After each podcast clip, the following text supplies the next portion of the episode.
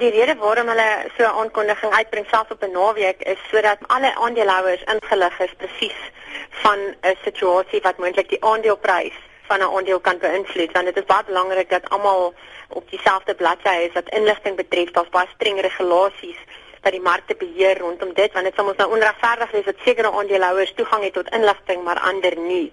Want hierdie is baie prysensitiewe inligting. Die aandeleprys het juis vanoggend met opening baie sterk afwaarts beweeg van Barclays Africa in Suid-Afrika. So dit is belangrik dat almal toegang het tot die inligting. Maar hulle sê niks. So niemand weet vir wat om voor te berei nie. Wat sou 'n beleggersraadgewer doen in hierdie omstandighede? Dit is duidelik dat daar 'n bietjie inligting iewers gelek het.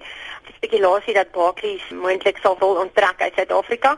Eintlik al wat hulle nou gesê het is dat hulle is besig met strategiese moontlike veranderinge wat hulle wil implementeer en ons verwag 'n aankondiging in hierdie verband. Daar's 'n grootskaalse herstrukturering wat plaasvind by Barclays en Barclays Africa in Suid-Afrika ook 'n aankondiging uitgereik waarin hulle gesê het dat daar wel sulke sprake is, maar hulle het ook bygevoeg dat die maatskappy baie goed gekapitaliseer is, 'n geskiedenis het van baie goeie winsgewendheid wat beleggers nie te bekommerd moet wees nie. Maar met hierdie is 'n baie groot ding wat nou hier gebeur, want Barclays besit 62.3% van wat ons geken het as Absa Groep en dit lyk nou asof hulle 'n groter plan het om Suid-Afrika en die Afrika kontinent in totaliteit te verlaat en dit is nou nadat hulle meer as 'n eeu hier betrokke was. Uit hulle oogpunt moet mense ook verstaan daar's twee goed wat hulle hierso moet in ag neem. Die een is die opbrengs wat hulle sover gehad het op hulle belegging hier in Suid-Afrika en in Afrika, want hierdie Barclays Africa 80% van hulle inkomste kom uit Suid-Afrika uit.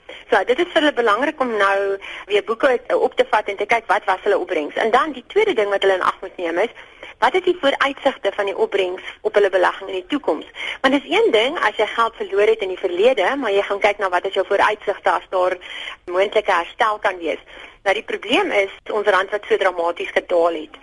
Omdat Barclays in pond rapporteer, maak dit enige winste wat in Suid-Afrikaanse rand gemaak word deur die Absa bankgroep moet omgeskakel word in pond en in die laaste 5 jaar het die rand die helfte van sy waarde verloor teenoor die Britse pond. So hierdie mense het deurlopend het hulle eintlik geld verloor deur hierdie belegging van hulle in Suid-Afrika. Nou wat eintlik baie hartseer is, is die feit dat hulle moontlik wil onttrek want dit sê vir ons net een ding en dit is dat hulle glad nie baie positief is oor die vooruitsigte vir die toekoms nie want as hulle positief was, sou hulle gesê het, maar die verliese wat hulle nou gely het in die laaste 5 jaar gaan nie herhaal word nie. Hulle kan dit weer opmaak. So duidelik dink hulle nie dit nie. Duidelik dink hulle dat hulle nie daardie verliese kan opmaak nie. As jy in ag neem wat is die vooruitsigte in Suid-Afrika? Die Suid-Afrikaanse ekonomie is op die randjie van 'n resessie.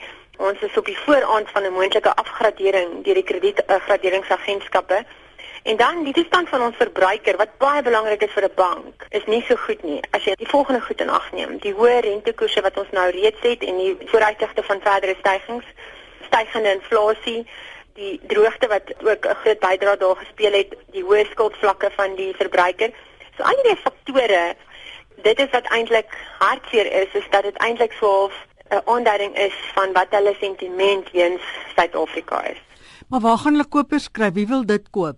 Op hierdie stadium dink ek dit is nie so maklik nie, maar hierdie baie groot maatskappye wat met sulke herstrukturering betrokke is, baie kere het hulle al reeds vooraf met verskillende partye beraadslaag wat moontlik hierdie belang van hulle kan koop. Want kyk, hulle weet ook, hulle kan dit nie net in die mark beskikbaar kom stel nie. So dis moontlik dat hulle al reeds met 'n paar partye gepraat het. Die PIC het ook baie duidelik reeds gemaak dat hulle sou geïnteresseerd is om 'n belang te koop. Mens weet nie of hulle die hele belang sou kan koop en of hulle soveel geld tot hulle beskikking het nie. Hulle bestuur bates van 1.8 triljoen rand mee in Suid-Afrika en hulle het Vodacom se belang by die regering gekoop toe hulle dit verkoop het verlede jaar.